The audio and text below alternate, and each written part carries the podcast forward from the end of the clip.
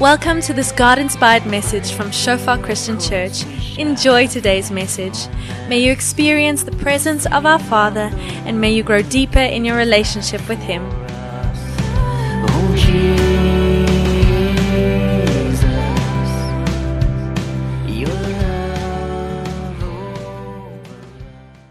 Ons bietjie kyk na evangelisme. 'n Hart vir die wat verlore gaan, vir die mense daar buite om die evangelie met hulle te gaan deel.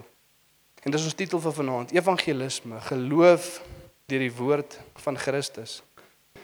Jy weet en as ons kyk na die westerse kerk hier waar ons onsself bevind, is een van die goeters wat seker die minste aandag kry, evangelisme. Evangelisme en 'n goeie kennis van die skrif. Ons gee min aandag daaraan. Jy weet die die gawe van van 'n pastoor of 'n herder, ons hou daarvan want dan er, ervaar ons liefde. Ons wil weet die Here het ons lief. Ons wil weet hy's daar vir ons. Profesie al is ons nie altyd so spesifiek daarmee nie. Ons wil weet waartoe die Here ons geroep. Ons wil weet wat sy woord is vir ons lewe. Apostel het ons wil hê die Here moet ons gebruik dat ons kan great lyk. Like. Maar as dit kom by evangelisme en 'n goeie kennis van die skrif wat daarmee gepaard gaan, dan is ons nie altyd so ywerig nie want dit is die wat bietjie meer onselfsugtig is as die ander. Weet jy ook vir ons om te sê dat dit is nie net ons wat bietjie selfsugtig is en nie wil uitgaan en verskonings het hoekom ons nie die evangelie wil deel nie, maar daar's ook groot weerstand van die vyand se kant. Natuurlik wil hy nie hê dat die kerk moet opstaan en vir almal gaan verkondig dat daar so 'n God is wat gekom het om sondaars te red nie.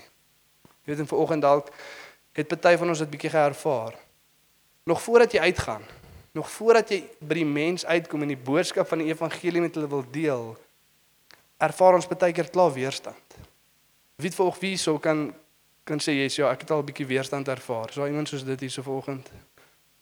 sien so 'n paar hande en die koppe wat skud. Daar's weerstand. En ek wil ook net vir ons sê dat voordat ek begin, baie keer manifesteer die weerstand in 'n fisiese manier of verskoning. Jy weet nie ek ek ken nie lekker die woord van die Here nie. Ek ek weet nie of ek, ek wil gaan nie. Of nee, dalk gaan hierdie mense nie die boodskap ervaar nie. Jy weet dalk gaan ek hulle kwaad maak. Ek weet nie wat my werk daarvan gaan sê nie. En dit is hoe dit baie keer lyk, maar wees bewus dat dit geestelike weerstand is wat jy ervaar. Die vyand is besig om teen ons te druk. Hy wil nie hê dat ons hierdie boodskap buitentoe moet dra nie. Maar die oomblik as ons besef hoe belangrik dit is, dan oordonder dit alles. Die vyand se weerstand, ons verskonings, dit gaan oor alles en ons word uitgedruk in 'n wêreld in. En ons gaan vertel die boodskap. Jy weet laat my dink aan 'n storie van Hudson Taylor. Wie al wie, wie ken van Hudson Taylor 1800s sendeling, daar's 'n paar hande. So in die 1800s, ook in die westerse kerk, glad nie 'n idee gehad van uitgaan na mense en evangelie gaan verkondig nie. Dit was glad nie 'n konsep wat die kerk geken het nie. Hulle was by hulle kerk en mense moes soontoe kom om die evangelie te hoor. Hudson Taylor het 'n sterk begeerte gehad om hierdie boodskap uit te dra. En na sy eerste sendingsreis na China toe, kom hy toe terug. En ek dink hy was in Skotland of iewers en hy staan voor 'n gemeente van Christene en hy wil hulle bietjie wakker maak vir die belangrikheid van evangelisme. En hy vertel toe vir hulle 'n ware verhaal van wat gebeur het in China. Hy het uitgereik na 'n persoon toe die ou se naam was Pieter En soos wat hy besig was om na Pieter toe uit te reik, was hulle besig om op 'n skip te vaar langs die kus van China. En iewers in die see en die golwe is bietjie rof, val Pieter van die skip af. Weet jy, die mense stop toe die bootjie sodat Hudson hom kan probeer red. Maar die see is nogal onstuimig en hy sien so entjie weg, daar's vissermanne besig om vis te vang met 'n sleepnet. En hy gil vir hulle, iemand is besig om te verdrink, kom help. En die antwoord wat hy terugkry, skok hom en die hele gehoor. Nee, dis ongerieflik. Dis ongerieflik. En hy sê vir hulle terug, moenie met my praat oor ongerieflikheid nie. Iemand is besig om te verdrink, kom vinnig. En hulle antwoord hom weer terug. Nee, ons is besig om vis te vang.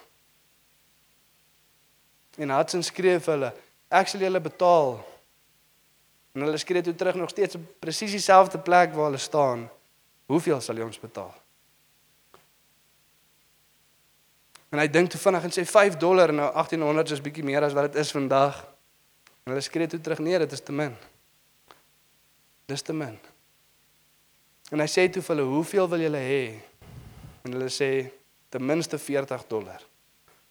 Hy sê ek het nie soveel nie. Hulle albei staan nog steeds op presies dieselfde plek terwyl 'n man besig is om te verdrink.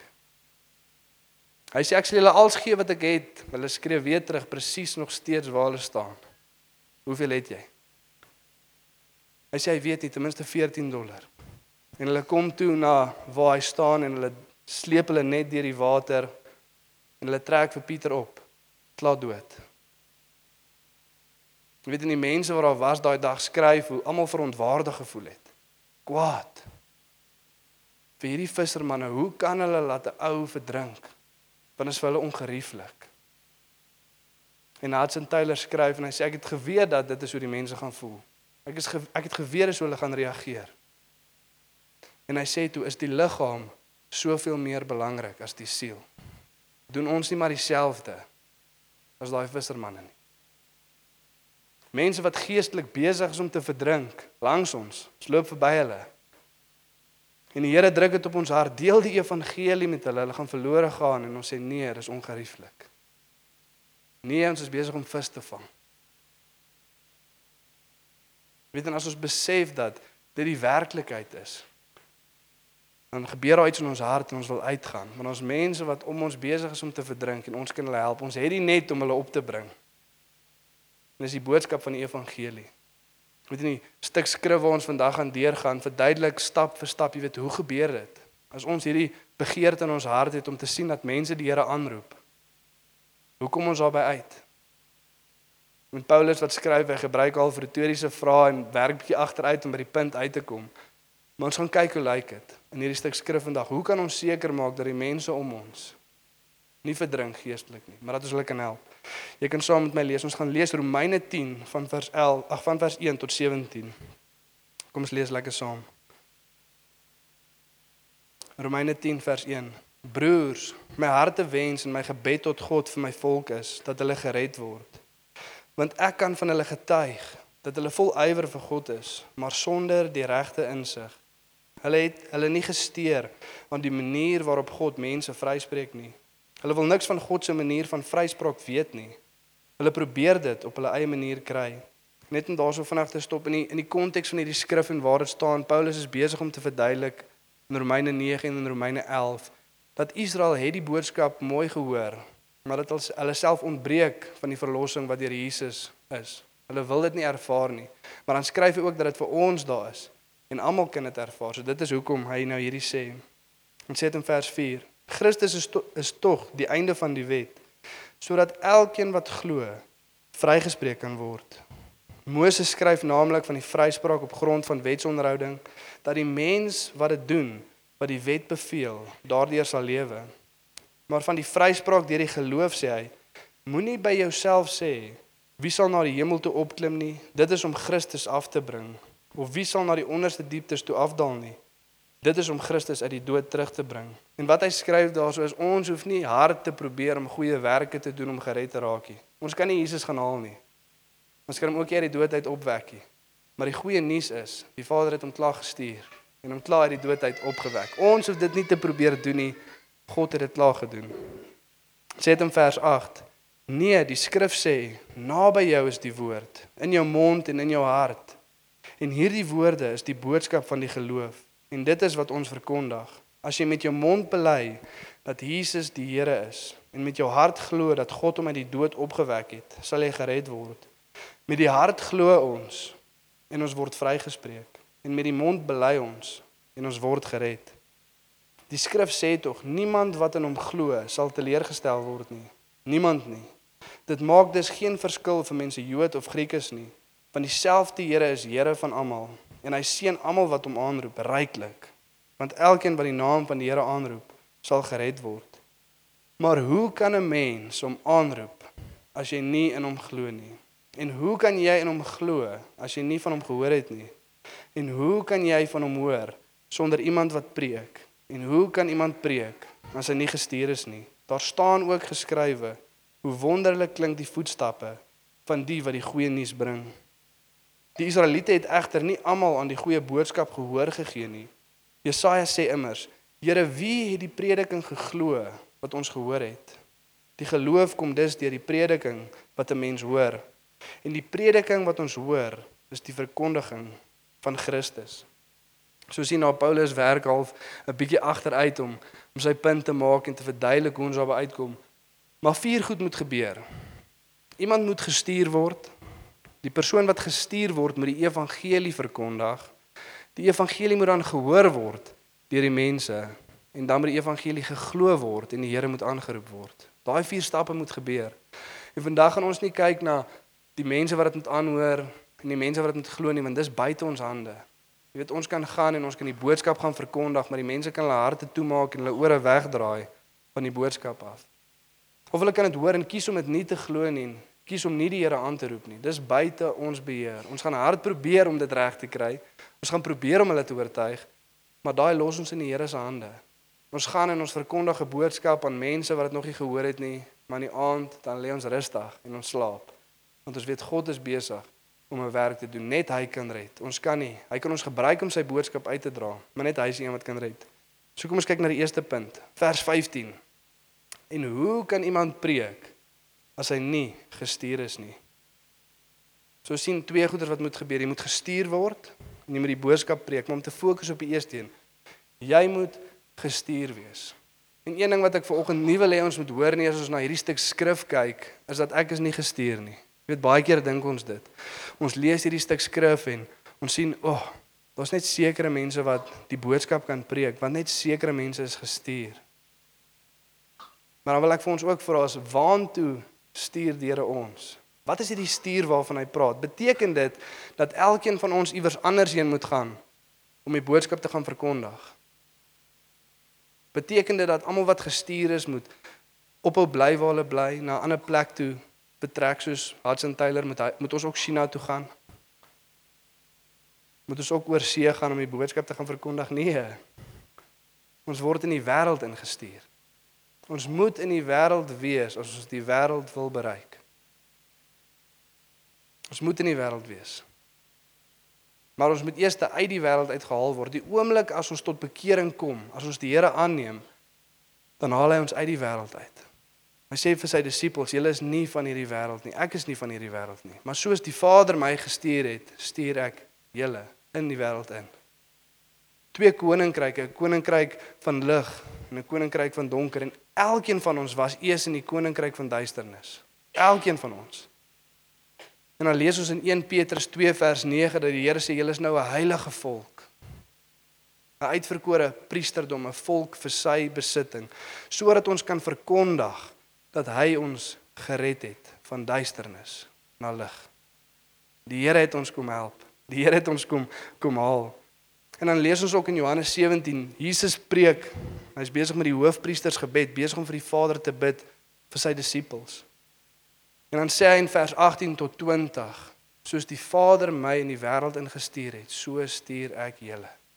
En hy sê en ek wy myself aan God toe sodat julle deur 'n hegte verhouding is met die waarheid ook aan hom toegewy kan word. Maar dan in vers 20 dan sê hy: Vader, ek bid nie net vir hulle nie, nie net vir sy 12 disippels nie. Maar ek bid ook vir die wat deur hulle woord tot geloof gaan kom in my. En wat dit beteken is dat hy nie net vir sy disippels bid en dat die feit is dat hulle gaan uitgaan en die woord uitdra nie, maar dit beteken dat dieselfde gebed wat Jesus vir hulle gebid het, draai oor aan elkeen wat tot geloof gaan kom deur die woord van die 12 apostels. Dis almal van ons. Dit het begin by hulle, maar dit het versprei en soos wat dit versprei, soos wat ons die woord hoor, soos wat ons dit aankleef, soos wat ons gered raak, sê Jesus, ek bid nou ook vir jou En ek sê ook vir jou, soos die Vader my in die wêreld ingestuur het, stuur ek jou in die wêreld in. As 'n kerk van Christus is ons klaar gestuur. Ons is gestuurde eenes. Sent ones om uit te gaan en God se boodskap aan die nasies toe te druk. Maar dan kan ons ook spesifiek bid. Hy sê vir sy disippels in Matteus 9 vers 37 tot 38. Hy sê toe vir sy disippels: "Die oes is groot, maar die arbeiders min." Bid dan dat die Here aan wie die oes behoort om arbeiders uit te stuur vir sy oes. Ons kan ook gaan bid as ons onseker is. Here stuur ons uit, stuur mense uit. En die disippels gaan toe en hulle gaan bid en hier is die laaste vers van hoofstuk 9 en hoofstuk 10 aan lees dit en die Here het sy disippels, sy 12 disippels nader geroep en hulle mag gegee oor onrein geeste om siekes gesond te maak, om dooies op te wek en hulle het hulle uitgestuur. Die oomblik toe hulle bid, Here stuur arbeiders in die veld in. Toe sê ek stuur julle. Wie van ons het al al daai gebed gebid? Here stuur mense in die oesveld in. Elkeen van ons wat dit al gebid het, jy is gestuur. Die Here sê, "Gaan jy dan?" Ek stuur jou dan in die veld in. En ook 'n ding wat ek wil hê ons moet oplet vanoggend is die dit sê nie en toe sê hy vir sy disippels, "As julle eendag kans kry of 'n gap kry of af is, bid dan tot die Here nie." Hy sê nee, gaan nou en bid dan, dis 'n opdrag. Nie net vir hulle nie, maar ook vir ons en ons moet hierdie opdrag gehoorsaam en ook oordra na die mense wat saam met ons op pad stap. Dis nie 'n nice to have nie, dit is 'n opdrag van Jesus bid dat die Here arbeiders in die veld in sal stuur. En dit vat ons volgens na die eerste punt toe. As die liggaam van Christus is ons almal gestuur om die goeie nuus van die evangelie in die wêreld in te dra. Ek weet nie nou skryf hy sê baie keer lewe ons asof die oes min is en die arbeiders groot. Weet en om vir onsself vanoggend 'n vraag te vra, dis baie belangrik vir ons om altyd bewus te wees van wat in ons hart aangaan. Bewus te wees van hoe ons regtig lewe en hoe ons dit sien as ons na ons eie lewe kyk. As jy na jou eie lewe kyk vanoggend, lewe jy asof die oes groot is en die arbeiders min of lewe jy asof die oes min is en die arbeiders groot? En kom ons weet eerlik met onsself, want die Here weet. Ons gaan nie onkant vang nie. Hy weet wat in ons harte aangaan en hy sê dis oukei. Okay. Ek wil deur ons se werk om doen sodat ons 'n groter liefde vir God, 'n groter liefde vir mense kan hê en die Here sal ons help. Amen. En wil ek dit ook vir ons sê dat daar waar jy werk, daar waar jy in jou familie is, dis waartoe die Here jou gestuur het. En as goeie nuus vanoggend, die Here sê in Esegiel 3 vers 18 dat as die mense om ons nie die woord van God aanhoor nie, as hulle lewe soos heidene en ons waarsku hulle nie, dan sal hy hulle bloed van ons hande vereis. Maak dit 'n grappie se goeie nuus nie. Maar dit is wel die waarheid. Die Here sê vir Esegiel, daar's mense om jou wat verlore gaan, maar as jy hulle nie waarsku nie, dan sal hulle sterf. Maar ek sal hulle bloed van jou hande vereis. Jy weet en dalk sê ons nee, wag vir aan wou bietjie. Dis nou die Nuwe Testament, daai is Ou Testament. Maar Paulus skryf in Handelinge 20:26 dan sê hy my hande is rein van die bloed van alle mense want ek het aan almal die volle evangelie verkondig. Prinsip tel nog steeds. Jy gaan nie nie in die hemel wees saam die Here nie, maar hy sal hulle bloed van jou hand vereis. Ons moet besef die belangrikheid van die mense wat om ons besig is om geestelik te verdrink. Ons kan 'n hand uitsteek, ons kan 'n boodskap spreek om my mense te help. Met dan vat dit ons bietjie ook na die volgende punt. Ons moet na hierdie evangelie uitdra. Ons moet almal 'n hart van evangelisme binne in ons dra om, om mense daar buite te bereik. Maar hoe lyk dit? Wat is evangelisme? Wat is nie? As ek iemand my getuienis vertel, is dit evangelisme? As ek goeie werke doen, Wat as ek net deur my lewe wil wys dat die Here bestaan? Tel dit as evangelisme. En al daai goed is reg en dit help met evangelisme. Dis 'n vrug van die evangelie, maar is nie die evangelie nie. En ook moet nou nie hoor wat ek nie vanoggend sê nie. Ek sê nie ons moet wag tot ons alles weet tot ons dit 100% reg kan verduidelik voordat ons uitgaan nie. Begin by wat jy het. As al wat jy het is die feit dat jy kan vir mense gaan vertel dat die Here jou kom red het. Begin daar maar ons moet groei tot op 'n plek waar ons die volle evangelie kan oordra aan mense. Nie net die wat geroep is om om leraars te wees nie. Ek het laas keer ook hierdie grappie gemaak. Dit is eintlik 'n grappie nie. Dit is waar baie mense dit wil vir my kom sê. Maar dat baie mense wat 'n gawe van evangelisme het, hulle het regtig gehard om uit te gaan en die boodskap te oor te dra na mense toe. Hulle sê vir my, "Wian, jy spandeer baie tyd in die skrif, ek nie so baie nie." Jy's geroep om 'n leraar te wees ek's geroep om 'n evangelis te wees. Dan sê ek hulle, ja, die evangelis moet die boodskap oordra. Jy moet hom nog steeds ken. Een wat die woord gaan verkondig. Jy moet die woord ken en elkeen van ons is geroep om dit te ken. Kom ons kyk wat sê vers 15 en 17. Dit sê en hoe kan iemand preek as hy nie gestuur is nie? Daar staan ook geskrywe hoe wonderlik klink die voetstappe van die wat die goeie boodskap bring. Wat bring hulle? Hulle bring die goeie boodskap. Dis klaar daar, dis nie iets wat ons hoef uit te figure of aan te dink of iets te skryf nie. Dis klaar daar, die goeie boodskap is klaar daar. Dit sê in vers 17 en die prediking wat ons hoor is die verkondiging van Christus. Die evangelie van Christus. Weereens, ons getuienis help, maar dis nie die evangelie nie. As jy na iemand toe gaan wat jou glad nie ken nie en jy sê vir hom, "Jesus, die Here het my gered van soveel goed in my lewe." Dan gaan hy sê, "Dis dis dis great vir jou, maar ek ken jou nie." Dis goeie nuus, maar dis nie goeie nuus vir almal nie. Die goeie nuus vir almal is dat Jesus gekom het om almal te red. Almal kan gered word. Elkeen wat die naam van die Here aanroep, sal verlos word. Nie net jy is gered en ons ons, ons moet draai daarin, jy weet en ook om gou 'n twist dalk te gooi en van ons manier hoe ons evangelisme approach. Ons lewe in 'n wêreld waar mense meer en meer wegdraai van die Here af. 'n Generasie van mense wat saam met hulle ouers kerk toe gegaan het, dis dit bestaan nie meer nie. Dit was dit was my generasie gewees. Jou ouers het jou kerk toe gevat of hulle het jou by die kerk gaan aflaai en huis toe gegaan, want jy moet aangeneem en voorgestel word as jy daar wil trou. Met so ten minste het jy van kleintyd af 'n basiese verstandhouding van wat wat die Bybel sê, weet wie God is. Ons verstaan ons het 'n probleem. Maar hieso is nou die twist wat inkom. Baie mense deesdae dink nie meer so nie. En as jy na iemand toe gaan en jy het nou jou jou storie mooi uitgefigure, dit is hoe ek gaan begin. Jy kom by iemand en sê ek het goeie nuus vir jou. Die Here het gekom om jou te red.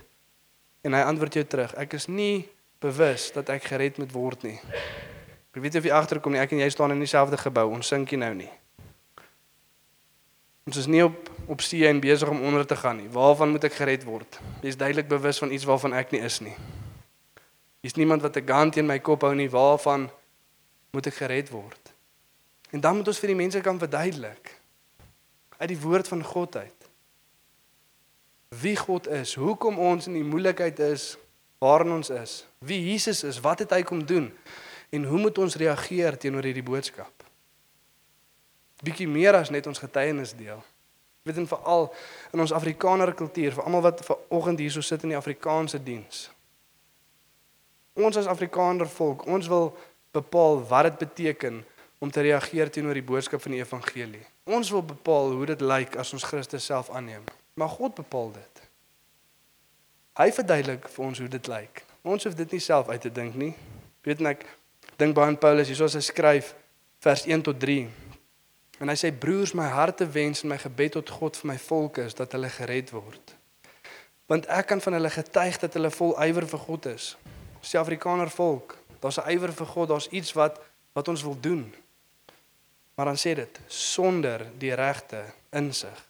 Hulle probeer dit op hulle eie manier kry. Dit het verduidelik vir my die Afrikaner volk van vandag. Weet net ek sit saam met een van my vriende van skool die ander dag en selfde storie. Ek was nie dieselfde storie. Weet ek was verslaaf aan dwelms en alkohol. En as jy my in daai tyd gevra het of ek 'n Christen is, sou ek baie baie offended gewees het met jou. Natuurlik is ek. Ek is een gebore.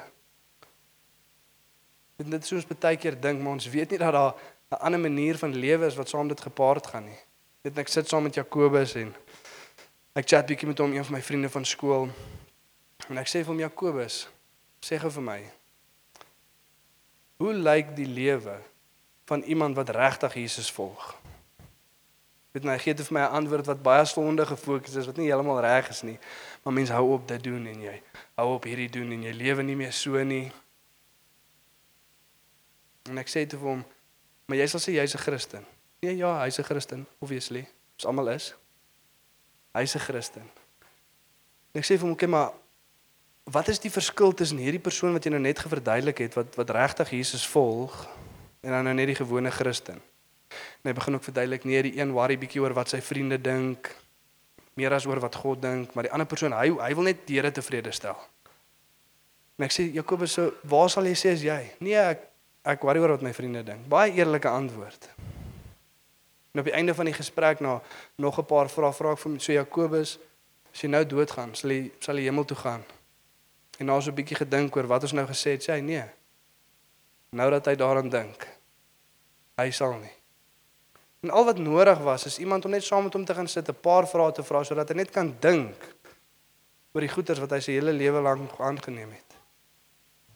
Met een van die favourite quotes wat ek hierdie laaste 2 weke gehoor het, Karla, een van die mense by ons kantoor, het vir ons 'n video gespeel van Dr. Caroline Leaf, se kopdokter. Nie so sielkundig nie, maar neuroscience, jy weet weet wat in die brein aangaan, hoe werk die brein, hoe lyk 'n gedagte, hoe vorm 'n gedagte, al sulke goedjies. En sy sê toe iets baie baie amazing. En sy sê as ons mense leer dink, sal hulle die Here ontdek. Dan sal hulle die Here ontdek. En dit is vir ons baie belangrik met ons Afrikaner volk om hulle bietjie te te challenge oor hoe hulle nog altyd dink. Jy weet die eerste victims was nou obviously my familie gewees en die laaste ruk sit ek bietjie by hulle en my maale en my skoonfamilie is daarso en ons eet. En nou vra ek vir hulle een van Jesus se taktieke. Hy vra altyd vir die mense, "Hoe lees jy die Bybel?" En dan vra hy vir hulle, "Hoekom doen julle dit nie?" En ek dink toe ek gaan dit bietjie try. En ons het toe 'n gesprek en ons praat oor die oor die doop. En ek vra toe vir my maale, "So, hoe lees julle dit?" Klein doop, groot doop, wat sê die Bybel? Tot my verbasing sê hulle toe vir my, "Nee, groot doop, Jan. Groot doop." En die volgende vraag het hulle glad nie verwag nie. Want ons like om teoreties oor goeters te praat, ons like nie om dit persoonlik te maak nie. En ek sê toe, "Oké, okay, so hoekom is julle nog nie gedoop nie?" Ewe skielik. Een se verskoning, daar was nie 'n skoon swembad nie. Ek meen ek ek voel hulle. Dis daai is taamlik moeilik om te kry in Sekunda skoon swembad, dit gebeur nie net nie. My my ander ehm um, persoon wat daarso gesit het, haar antwoord, "Maar ek help julle dan nou by die huis met die kinders en die goeters." Soos ek weet glad nie hoe dit wat dit te doen het met die doop en hoekom ons dan nie goed wil volg nie. Maar weer eens al wat nodig was, nou kan jy sien hulle begin bietjie daaroor dink. Al wat nodig is net 'n paar vrae om mense net bietjie te ruk uit dit wat hulle dink is tradisioneel, hoe hulle dink dit werk. Jy weet ons twee soorte boodskappe. Was een vir die wat regtig verlore gaan. Die mense wat nie die Here ken nie, die boodskap klink so, daar's ons 'n God wat gekom het om jou te red, hy het jou baie lief. En dit waartoe jy gaan, hoef jy nie alleen te gaan nie, hy's daar vir jou. Maar dan is daar 'n tweede boodskap van die evangelie en dis vir die fariseer of die tradisionele Afrikaner wat dink hulle ken die Here. En die boodskap gaan so: Die God wat jy sê jy dien, bepaal hoe dit lyk. Wees baie versigtig want daai selfde een kom om jou te oordeel.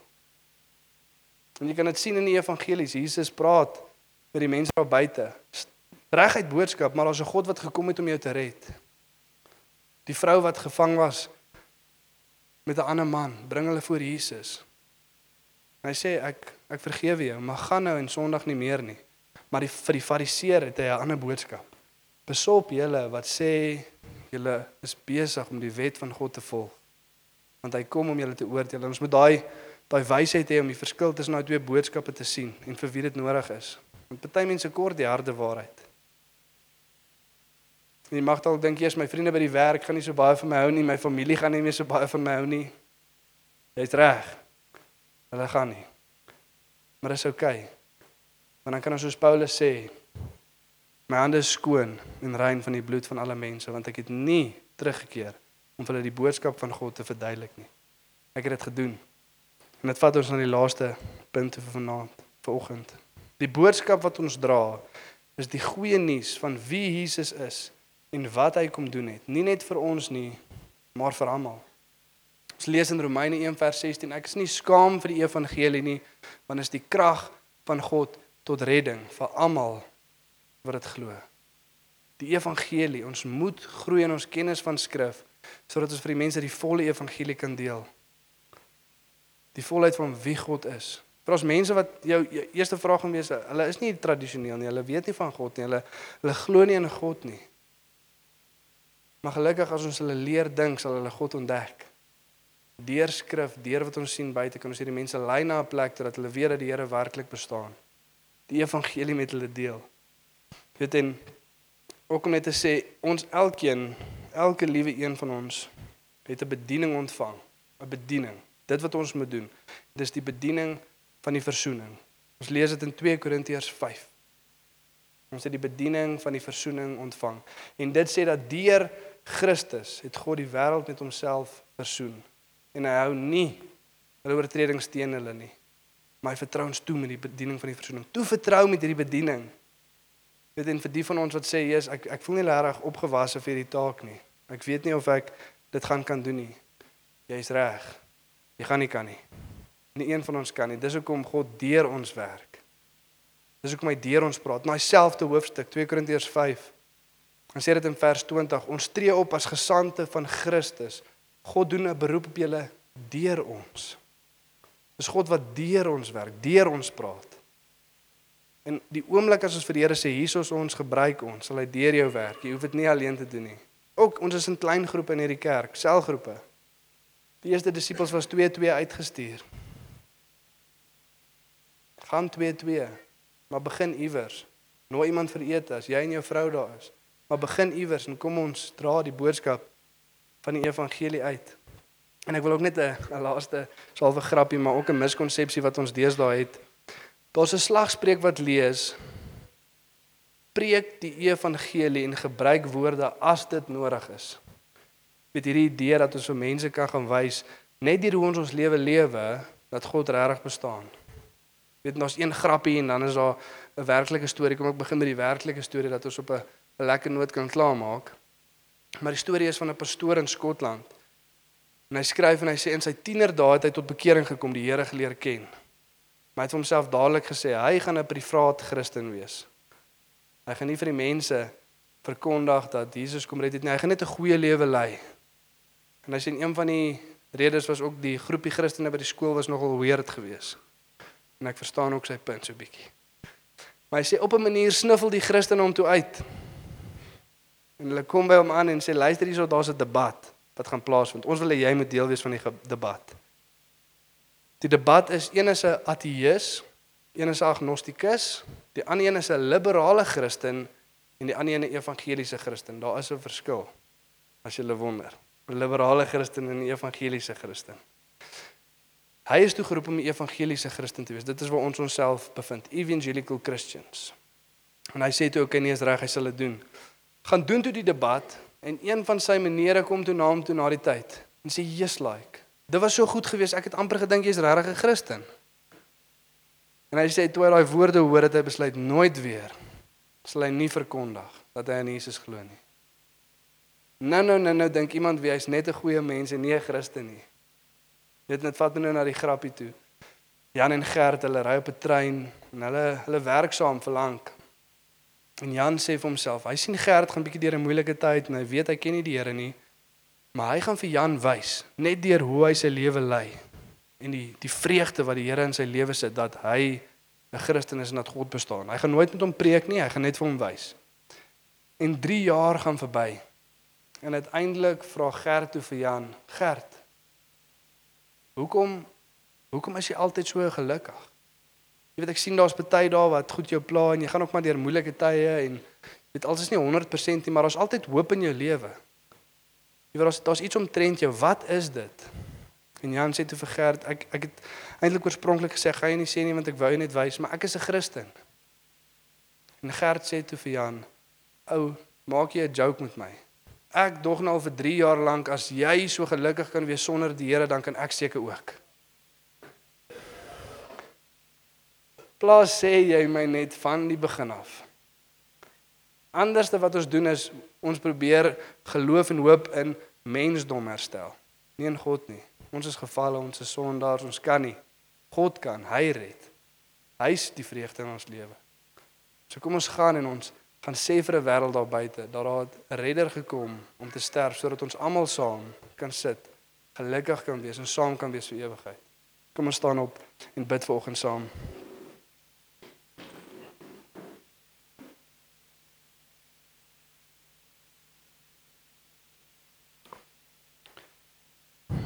Ja, Vader, dankie dat ons vanoggend net voor U kan kom, Vader. En eerstens kan kom dankie sê, Vader. Dankie dat daar iemand was wat met ons die boodskap kom deel het of dit nou was wat ons by 'n plek ingestap het of iemand wat na ons skool toe gekom het of 'n vriend of 'n vriendin of 'n familielid. Dankie dat iemand die evangelie met ons kom deel het, Here. Dankie dat ons die boodskap gehoor het. En Vader, vanoggend bid ook dat ons harte nie sal draai, Vader, soos die Israeliete nie. Dat ons nie ons eie manier wil wil kry op vryspraak nie, Here. maar dat ons weet dat U Jesus gestuur het om ons vry te koop. Ons hoef nie op te klim na die hemel toe nie, Vader, ons hoef ook nie neer te daal om Christus op te wek nie. U het dit klaar gedoen. Die werk is klaar daar.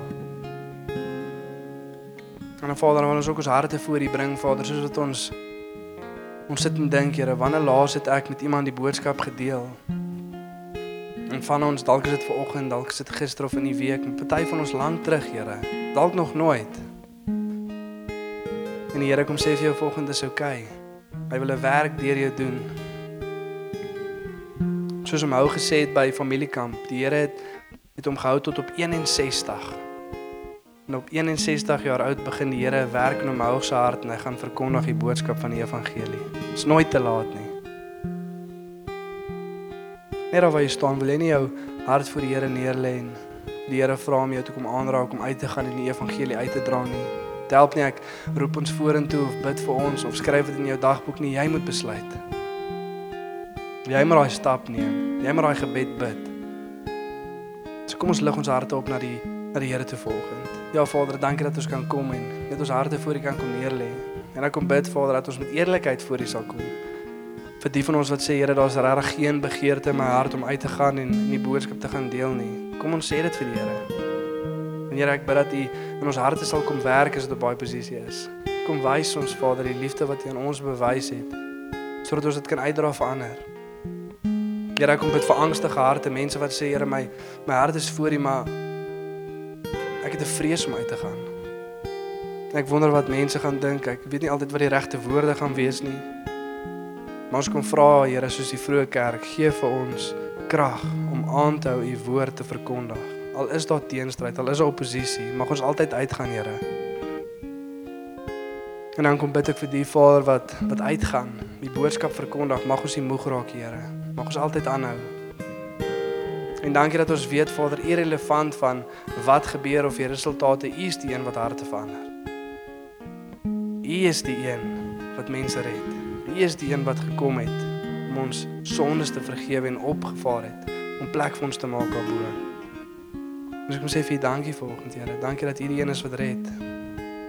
Ons kom plaas ons ons hoop in U, Here. Maar wat ons sê is Vader, mag aan niemand geestelik langs ons verdrink nie. Mag ons reg staan by die net van die evangelie. Mag ons soos Paulus sê op die einde van ons lewe, my hande is vry van die bloed van alle mense. Dankie vir u liefde Here en dankie dat u ons uitstuur. In Jesus naam. Amen.